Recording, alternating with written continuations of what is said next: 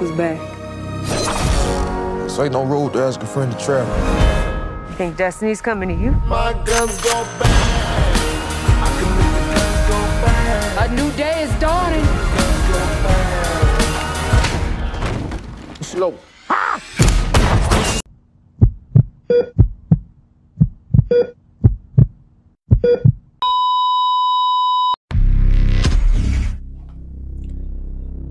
Hey, hey.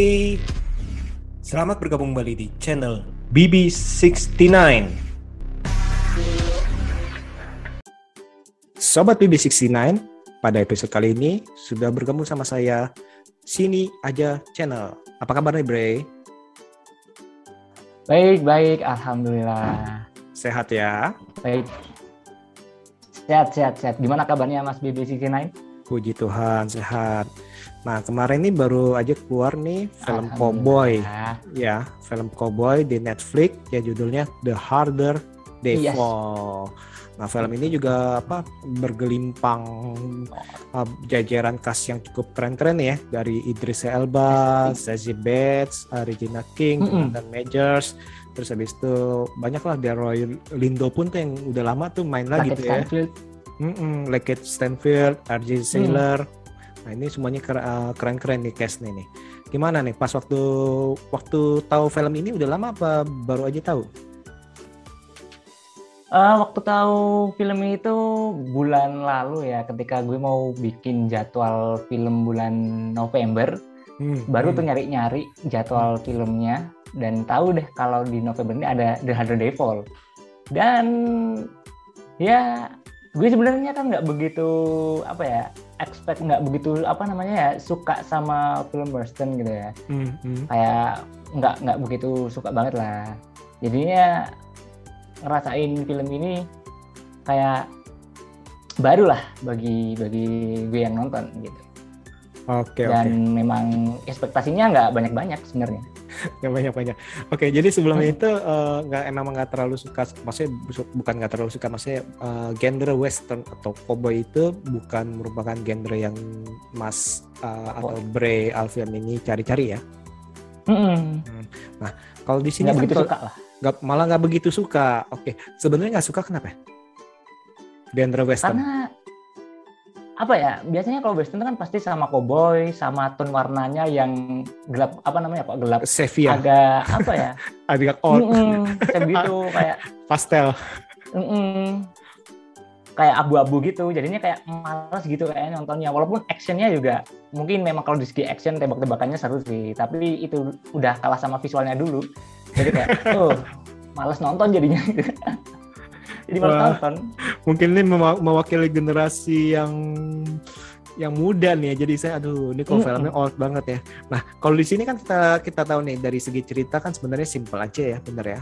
Segi cerita itu kan mengenai apa balas dendam atau istilahnya mengenai uh, hak uang yang dirampok apa is- abi- habis itu kriminal versus yang baik atau toko abu-abu ya ini kan di sini kan seperti itu ya jadi nggak sebenarnya itu nggak ada sesuatu yang baru ya mas ya kalau menurut mas gimana ceritanya dari segi cerita Eh, untuk cerita sendiri kan eh, sebenarnya nggak cuma tentang apa namanya tadi apa ngerampok uang doang ya Hmm. dia memang balas dendam karena si Natlov-nya ini itu dulu waktu kecil jadi di awal film itu Hmm. eh, ada satu apa tuh satu geng itulah satu Hmm. kelompok geng itu bunuh eh, orang tua gitu kan di situ Hmm. ada anak kecilnya di situ Hmm. nah orang tuanya kebunuh anak kecilnya dikasih tanda gitu tanda salib di di dahinya ini kan Hmm. Nah, akhirnya setelah beberapa tahun kemudian kita tahu kalau anak kecil itulah yang menjadi tokoh utama film ini, Hmm, yaitu betul. si Natlov itu. Hmm. Dan eh, berlanjutnya cerita itu kita bakal tahu kalau ternyata ada yang namanya penjahat namanya Rufus Buck. Hmm. Itu dibantu sama teman-teman gengnya dia, itu akhirnya dia bisa berhasil keluar dari penjara nih. Nah, ternyata us- usut punya usut, si Rufus Buck inilah yang dalam artian eh, maybe itu nanti adalah sebagai orang yang yang kayak apa istilahnya ya apa ya Natlov ini tuh mengincar dia karena itu dia apa sebuah balas dendam tragedi masa lalu itu yang diruntut-runtut kayak gitu sebenarnya. Jadi ini eh, memang kalau di segi cerita soal balas dendam itu biasa apa ya bukan biasa ya apa ya namanya?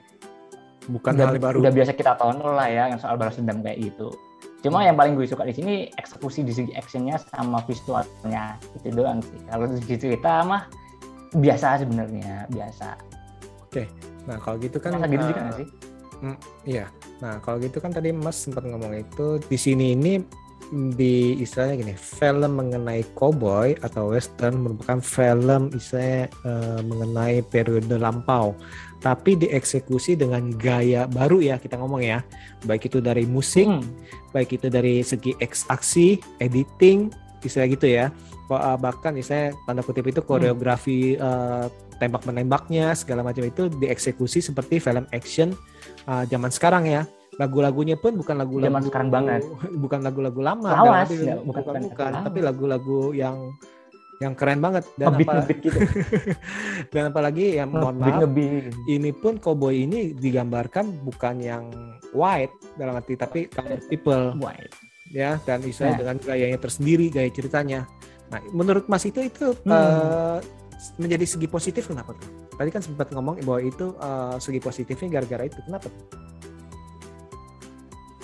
Nah, soal apa ya tentang black people juga nih ya, itu juga menurut gue jadi apa ya segi positifnya. Karena setelah gue nonton ini The Devil, eh, jujur gue itu langsung nonton Django Unchained-nya Quentin Tarantino. Hmm, Gue belum belum kesampaian nonton dan akhirnya gue tonton. Sebagai perbandingan kan gue belum apa nggak begitu suka western kan, jadinya udah nonton The Devil ya udah lanjutin nonton punyanya Quentin Tarantino. Hmm, dan memang sebagai sebuah kelebihan nih di film The Devil ini memang mengangkat black people-nya. Dan yang paling gue suka adalah dia tuh benar-benar ngangkat dari historical people-nya asli gitu loh. Jadi orang-orang kayak tokoh-tokohnya tuh ada Nat Love, ada Rufus Buck, hmm, terus ada State Coach Mary itu kalau kalian cari di Google itu tuh ada orangnya. Di zaman dulu tuh ada. Jadi nama-nama itu tuh asli ada orangnya. Walaupun di segi cerita memang fiktif tapi Hmm. sejarahnya orangnya itu ada. Itu aja udah ada dikasih tahu di prolognya ya. Di prolog filmnya ini udah dikasih tahu tuh. Kan? Iya nggak sih? Hmm, kalau di sini tuh ceritanya fiktif tapi these people do exist gitu. Hmm, itu jadi sebuah kelebihan. Apalagi memang benar-benar mengangkat Mm-mm, mengangkat apa ya black people-nya itu juga jarang-jarang kan pasti selalu white people kan tentang apa slayer apa slay juga kan tentang perbudakan juga biasanya kan kalau di zaman-zaman itu kan betul kalau betul. gue lihat-lihat kan Hmm, di betul. Jengkok Ancin juga mengangkat hal itu juga tentang perbudakan sama ras yang di Amerika tahun itu memang benar-benar gencar banget rasismenya gitu. Jadi Betul. memang benar-benar fresh banget sih dari dari konsep yang diajukan itu memang hal positifnya di situ juga. Hmm, hmm, betul betul betul. Emang benar sih nama apa eh, seperti yang kita ketahui ini memang eh, beberapa nama kayak Netlove segala macam itu Rufus Buck itu kan memang terinspirasi kita ngomong itu dari yang ke- kejadiannya walaupun di film ini ya ceritanya ya teman terinspirasi aja dalam arti teman dari nama Mm-mm. tokohnya aja seperti itu. Dan seperti yang tadi saya bilang ini ya kalau kalian mengharapkan uh, atau mengira bahwa oh ini nih seperti film-film klasik western nih zaman-zaman dulu nih. Wah istilahnya uh, warnanya tone warnanya gaya aksinya gaya ngomongnya istilahnya itu habis itu pakai gigit pakai apa rumput lah sebagai itu ya dalam arti uh, atau dekil-dekil banyak debu. Nah kalau di sini enggak ya mas ya. Ya bro ya. Di sini musiknya Bener-bener. ngebeat keren Keren, bener-bener anu lah film western kekinian banget lah, bener-bener zaman now banget memang. dan aksinya pun Jadi- gila juga ya setuju gak? gila-gilaan. Soal aksi mungkin five five nya mangan apa kayak kerasa kayak Quentin Tarantino, juga nggak sih? setuju setuju Ya kan? Nah, hmm. Dia kayak yang tiba-tiba tes yang kayak gini kayak gini. Hmm, Itu hmm, eksekusinya mirip-mirip sih. Yang saling menodong senjata segala macam ya saling itu kan terus habis itu banyak banyak uh, adegan ngomong tuh di meja ngomong dulu kan. Itu kan kasih uh, Mm-mm. Quentin tuh yang pas pertama kali itu dia ngomong dulu nih oh gini gini gini gini seperti itu sih. Ataupun yang yang saling todong tuh ya kan yang saling todong yang satu nodong sini eh emangnya gue sendiri di belakangnya ada? Nah kayak gitu gitu kan itu kan ngomong sum- apa itu ya emang berasa vibe-nya sih. Atau saya kayak ada potongan oh ini kotak sini kotak sini Isa- istilahnya ibarat kata kayak kayak bab-bab aja ya kayak Quentin Tarantino ya. Mm-mm. mungkin nih Sama anu gue nambahin itu kayak title-nya itu itu Hmm. juga mirip juga sama Quentin Tarantino kan warna merah gitu kan Hmm. nempel gitu. Kalau Hmm. Quentin Tarantino misalnya kayak Mississippi dilewati ini, yang itu Hmm. juga Hmm. Hmm. Texas atau mana itu juga sama. Hmm. Jadi memang ambil dikit-dikit. Terus apalagi pas pembukanya itu, pas judulnya itu pun udah bikin kita wah. pas yang yang di gereja itu ya, yang dieksekusi tuh. Iya, Iya itu udah udah bikin trigger sih itu buat bikin seru-seru sih. Jadi kayak eh gila nih filmnya bakal seru sih. Hmm. Bakal seru. Bakal itu itu seru. yang jadi awalnya itu. Ah, Bakal seru. soalnya apa dari itu bakal seru dan bakal gila-gilaan. Dan menurut gue ini pas gue nonton pembukanya itu bakalan uh, dalam arti nggak kadang-kadang itu nggak nggak perlu masuk akal dah. Soalnya itu saking jagonya itu kan pas lagi mau jatuh pun bisa ditembak lagi kan Mm. selalu selalu selalu titis ya gila. Apa pun mau jatuh pun kena langsung kena. Mana aja selalu kena. Darah-darahnya juga Nge-cheat ada ya gitu. kalau banyak main ya. game ini dia orang ngecheat gitu gitu ngecheat dia main gamenya ngecheat oke oke. Nah karakter yang paling berkesan yang mana nih mas?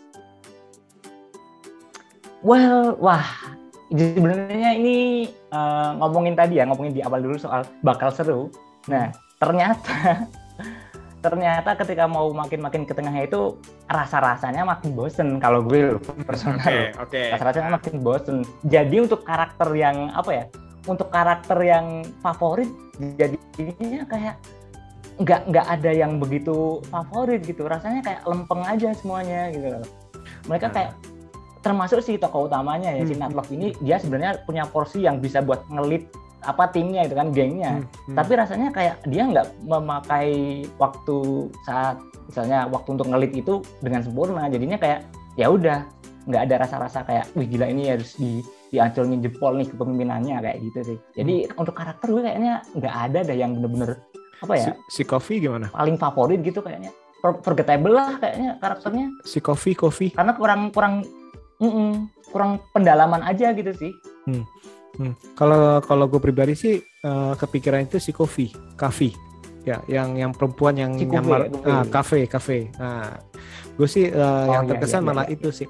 Nah tadi itu sebenarnya itu pengen saya nanya itu soal kekurangan, tapi ternyata kekurangannya itu udah dibahas oleh Mas eh, sama si Bre ini eh, apa barusan. Karena saya saya setuju sama Bre, saya setuju sama Bre di mana nah apa ini kesannya ini eh, alurnya ini eh, terlalu dipanjang-panjangin menurut saya nih. Nah, nanti akhirnya itu Setuju uh, banget. menurut 139 menit itu itu uh, sayang harusnya itu bisa dipangkas menjadi lebih pendek. Jadi dipadetin supaya misalnya konflik-konflik yang lain misalnya atau hal-hal yang nggak perlu itu nggak usah di ditampilkan karena sebenarnya ini yang tadi saya bilang ini film ini merupakan film yang simple sebenarnya sih simple misinya simple maksudnya tapi ya tadi itu eh, dalam perjalanannya ini ada ada ada satu waktu di babak antara babak kedua babak ketiga ini ini babak ketiga pun bahkan babak ketiga pun masih agak agak lambat nih menurut saya sih dan itu yang harusnya di- dipangkas dan itu saya sangat setuju sama Bre yang seperti itu selain itu juga kalau bagi saya ini ada satu ya ada beberapa karakter kita udah tahu oh ini pasti mati deh nih kebanyak banyak ngomong sok-sok jago ya tahu lah ya maksudnya yang saya yang, yang nantang-nantang misalnya itu itu dari awal gue bilang ah, ini pasti Iya, mati iya, deh lu iya. misalnya dari awal Iyalah, juga. iya adalah, Ah. adalah itu namanya. Ada ya? Ada, Ah. ada. Yang dari dari awal Ada. kebetulan oh gue ini Itu, dia, Sumpah itu dari awal gue bilang ah, pasti mati gue- loh udah nebak ya. gue nikmatin aja sih kayak ih gila. Ini nih gimana ya bakal kayak gimana ya? Eh ya udah ternyata kayak gitu. Eh ya udah ternyata. ya emang udah kayak gitu. Dia mati pun juga rasanya nggak nggak nggak kenapa-kenapa gitu nggak bener-bener ih gila dia mati ya gitu karena basicnya lucu-lucuan ya dia itu di sini ya karakternya ya jadi ya fine-fine aja buat ngisi-ngisi sebenarnya bener gue nungguin itu gue pengen nunggu lu matinya gimana? Nanti lu bakalan mati dibunuh gimana sih? Gue mau tahu sih karena dari awal kemunculan dia ya ketebak gitu ya. Dari- dari awal dia- kayak gitu ya. buka mulut gue pasti ngomong wah suatu saat lu mati lu cuma tinggal nunggu waktunya. Kapan nih kapan nih kapan nih? Istilahnya. Dan matinya sih pantes sih menurut gue sih. Dia mendapat layak mati seperti itu sih. Loh bener kan? Iya iya iya iya iya. Itu kan bodoh benar. benar bodoh dalam Benar. arti lu sama sama penjahat. sosokan sih memang bener. Ya sosokan bodoh. banget orang. Itu ngapain percaya? Dan dan ternyata yang satunya ya gitulah ada satu orang itulah itulah yang istilahnya tercepat gitu kan ya. Iya nah ternyata. itu yang nggak terduga Kagak itu. terduga. ternyata. Lebih cepat daripada bayangan kayak laki lu Mm-mm, gitu, bayangan shadow gitu Gila, dia apa tuh kecepatan udara. Iya keren. Dalam arti sih itu sih keren sih keren. Nah, cuman yang tadi itu eh, saya setuju eh, ini kedodoran sih. Naskahnya itu nggak tahu dia pengen lambat-lambatin atau gimana. Dan terakhirnya itu eh, cukup disayangkan ternyata terakhirnya cuma kayak gitu sih. Dalam arti mungkin mereka pengen kesannya itu wah ini eh, ya tadi itu kesannya end nge-twist gitu iya eh, ya. betul betul betul. Iya cuman e- tapi eksekusi nggak jadi nggak apa ya rasanya tuh kayak udah biasa ya emosinya tuh kayak udah gitu kayak oke well nggak nggak ada pengaruh yang bener-bener kayak kita ngerasain gitu loh Hmm, kayak apa hmm. kayak mau sedih gitu kayak nggak bisa gitu setuju Betul. banget sih sebenarnya Nah. apa kayak paruh pertama udah dibikin seru gitu ya kayak tadi openingnya ya udah udah bener-bener stylish banget gitu kan ya te- tembak-tembakannya yang kedua memang kayak itu nggak nggak tahu nih mau ceritanya tuh sebenarnya mau dibawa ke mana kedodoran betul gitu betul kan. betul betul. sampai dia mau bikin skripnya mau ke arah ke mana gitu. Tapi untuk actionnya memang kalau misalkan kalian nonton buat action ini bener-bener jelas bakal dapat action banget kalau di sini kan. Paruh Hmm. kedua kalau apa kalau kalian nunggu cerita itu memang bak kedodoran tapi kalau suka action sama visualnya ya tetap bakal seneng gitu kan dan paruh ketiga udah itu yang udah mulai apa five five Quentin Tarantino udah mulai kerasa. Tapi untuk ceritanya yang di akhir itu bener-bener twistnya tuh kayak aduh lempeng dah. Ah ya ampun. Sebenarnya tuh potensi banget loh. Istilahnya gue ngerasa sebagai film western yang yang apa ya yang istilahnya Segar. biasanya itu kan klasik gitu kan old west yang tua gitu kan. Ini udah dikasih kekinian gitu nih bener-bener berwarna banget dari production desainnya berwarna warna-warni kostumnya gitu kan. Apa kam teknik kameranya juga udah canggih banget gitu kan. Tapi Hmm, untuk hmm. ceritanya kayak melempem aja gitu. Hmm, ceritanya hmm, gini doang nih. Betul. Jadinya seperti Mas yang bilang tadi itu babak kedua kayak udah apa udah kehilangan arah dan dia kehabisan tenaga. Babak ketiga uh, berusaha pun uh, berusaha mencapai puncak pas sampai puncaknya ibarat katanya ah udah udah sampai puncak nih terserah deh lu mau ngapain gue aja deh bener gak sih udah loyo bener udah, lah, loyo terserah deh udah sampai puncak malah loyo cepetan nih gitu. selesai deh cepetan selesai deh nih udah udah 130 menit mungkin gini. Eh, memang rantainya kayaknya memang bener setuju sama Mas Bibi memang kebanyakan kayak terlalu banyak sebenarnya bisa dipangkas itu. Paling satu jam 40 menit mungkin bisa kali ya kalau dipangkas beberapa hal yang nggak pasti. Betul betul betul. Karena mungkin mau anu nggak sih mau menunjukkan sebuah apa ya namanya mungkin kayak jokes eh, bukan jokes hmm, kayak kritik sosial gitu nggak sih? Kan this movie is about black people ya dominannya orang kulit hitam ya. Ya itu kan ada itu di di salah satu sisi yang yang dia tuh ngerampok bank di, di kota putih. Itu bener-bener literally semuanya itu putih loh dari semua salju bangunan. malah Nah, kes kesannya itu salju ya di situ ya padahal nggak ada salju salju, semua gitu Ah, ah. bener-bener enggak iya tanahnya putih gitu bajunya putih bener-bener itu kayak sebuah pesan gitu yang ingin dikasih tahu gitu jokes jokes visual gitu ya dikasih tahu gitu. betul bahkan di, di dibilang ya kalau lu mau ngambil ya lu harus buka dulu disangkanya bodoh gitu kan di- disangkanya eh, orang kulit eh, berwarna itu bodoh dalam arti nggak taunya itu ya mak- Hmm, maksudnya ya, seperti itu gitu harus buka rekening dulu Mm-mm. Cuman ya tadi itu menurut saya sih ya Nah, terlalu panjang sih mas. Tadi bener sih saya setuju kalau cuman 100 menit sih. Jadi 30 menit dipangkas itu mungkin lebih padat, lebih bagus sih. Nah, Dan endingnya ya ya jangan gitulah. Masa sih kayaknya awalnya gahar, Di- di- melempem. Gitu Gimana gimana? Maksudnya itu kayak apa?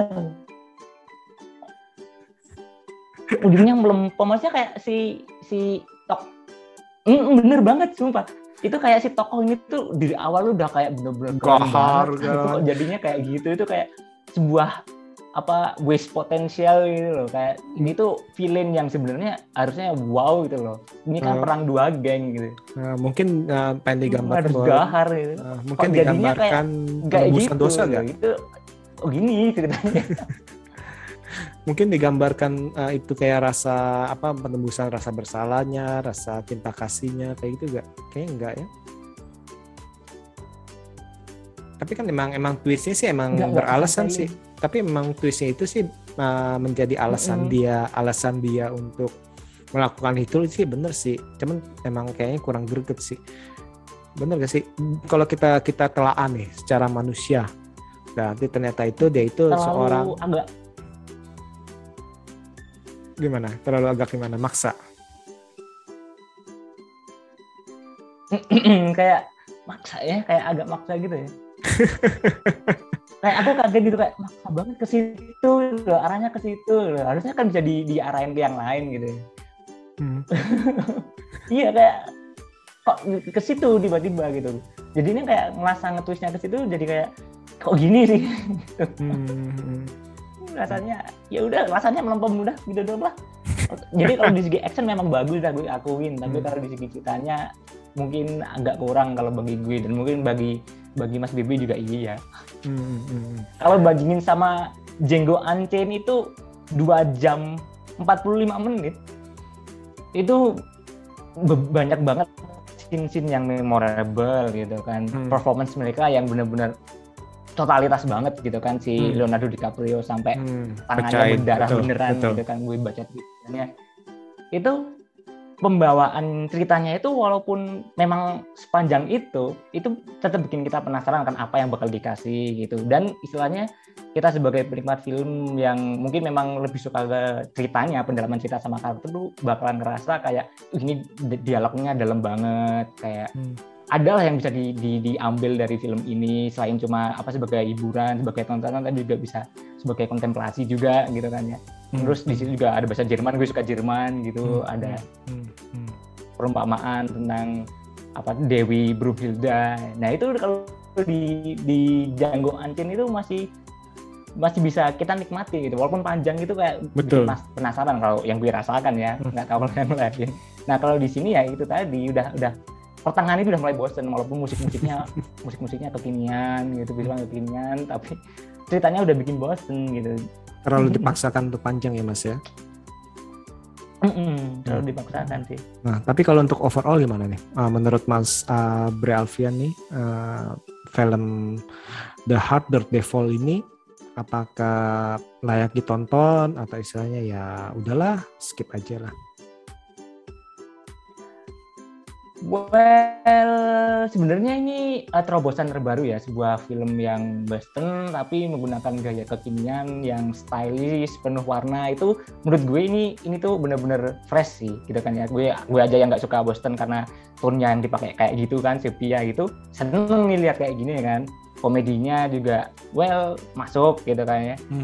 Tapi itu balik lagi sih kalau kalau kalian nonton ini sebagai hiburan cuma lihat actionnya aja ini pasti bakal menghibur banget bakal menyenangkan banget untuk ditonton gitu. Tapi kalau kalian tuh tipe-tipe orang yang istilahnya senengnya itu kayak eh, dominan ke cerita gitu loh. Jadi kayak efek apa action semacam bla bla bla tapi kalau ceritanya melempem ya rasanya aneh gitu. Nah itu kalau yang kalian tipe-tipe cerita yang suka pendalaman cerita sama karakter mending di skip aja gitu. Karena setelah nungguin apa selama 2 jam 14 menit itu kayak kalau nggak salah kan ya 2 jam 14 menit itu kita kayak dapatnya lempeng aja gitu akhirnya gitu.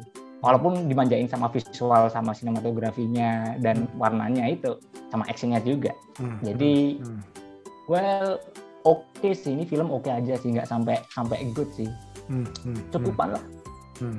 Nah ini saya setuju nih sama Bre nih dalam arti uh, ini film memang istilahnya layak kita ngomong layak ditonton lah ya layak ditonton tapi Mm. bukan wajib ditonton apalagi bisa aduh gue hanya punya waktu cie uh, untuk menonton satu buah film setelah itu hidup gue sudah tidak ada lagi cie nah mendingan eh, bukan ini bukan bukan film ini. Yang pastinya ya Bre ya.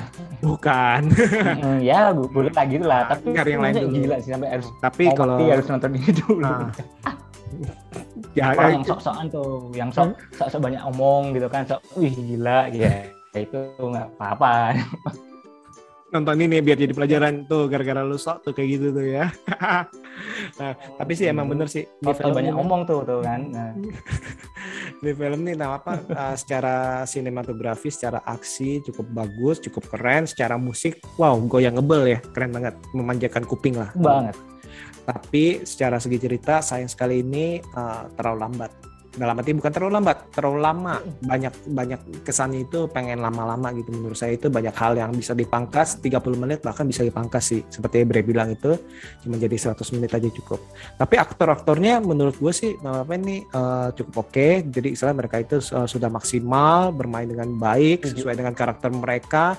Uh, interpretasi cowboy secara modern ini ini keren sih. Apalagi cowboy uh, maaf kata yang berkulit hitam ini keren menurut gue sih seperti itu bukan yang terlalu nggak nggak nggak usah yang yang apa yang gaya-gayanya kayak yo bro. Nggak nggak kayak gitu. Saya tetap aja himbauan mm -hmm. seperti itu. Nah jadi untuk para sobat BB69 ini kalau mau nonton ya silakan Uh, mungkin aja kalian suka, silakan kalian apa uh, komentar di bawah. Ternyata itu kok nih uh, kita suka kok karena gini-gini. Ah enggak kok, ini ceritanya pas kok, enggak enggak terlalu panjang. Kalian aja yang bosenan orangnya. Nah itu mungkin aja seperti itu. Nah ini boleh komentar nih uh, ke apa ke channelnya sini aja juga kan nanti kan akan bahas tuh. Nah itu boleh tuh dikomentarin tuh atau ke channel sini ke bawah nih kita dibahas di uh, komentar. Oke oke Bre, ini thank you banget nih Bre kita udah ngomongin secara singkat namun padat mengenai film The The Harder They Fall. Semoga kita akan uh, bicara bincang-bincang di film lainnya. Sekali lagi terima kasih dan see you. See you.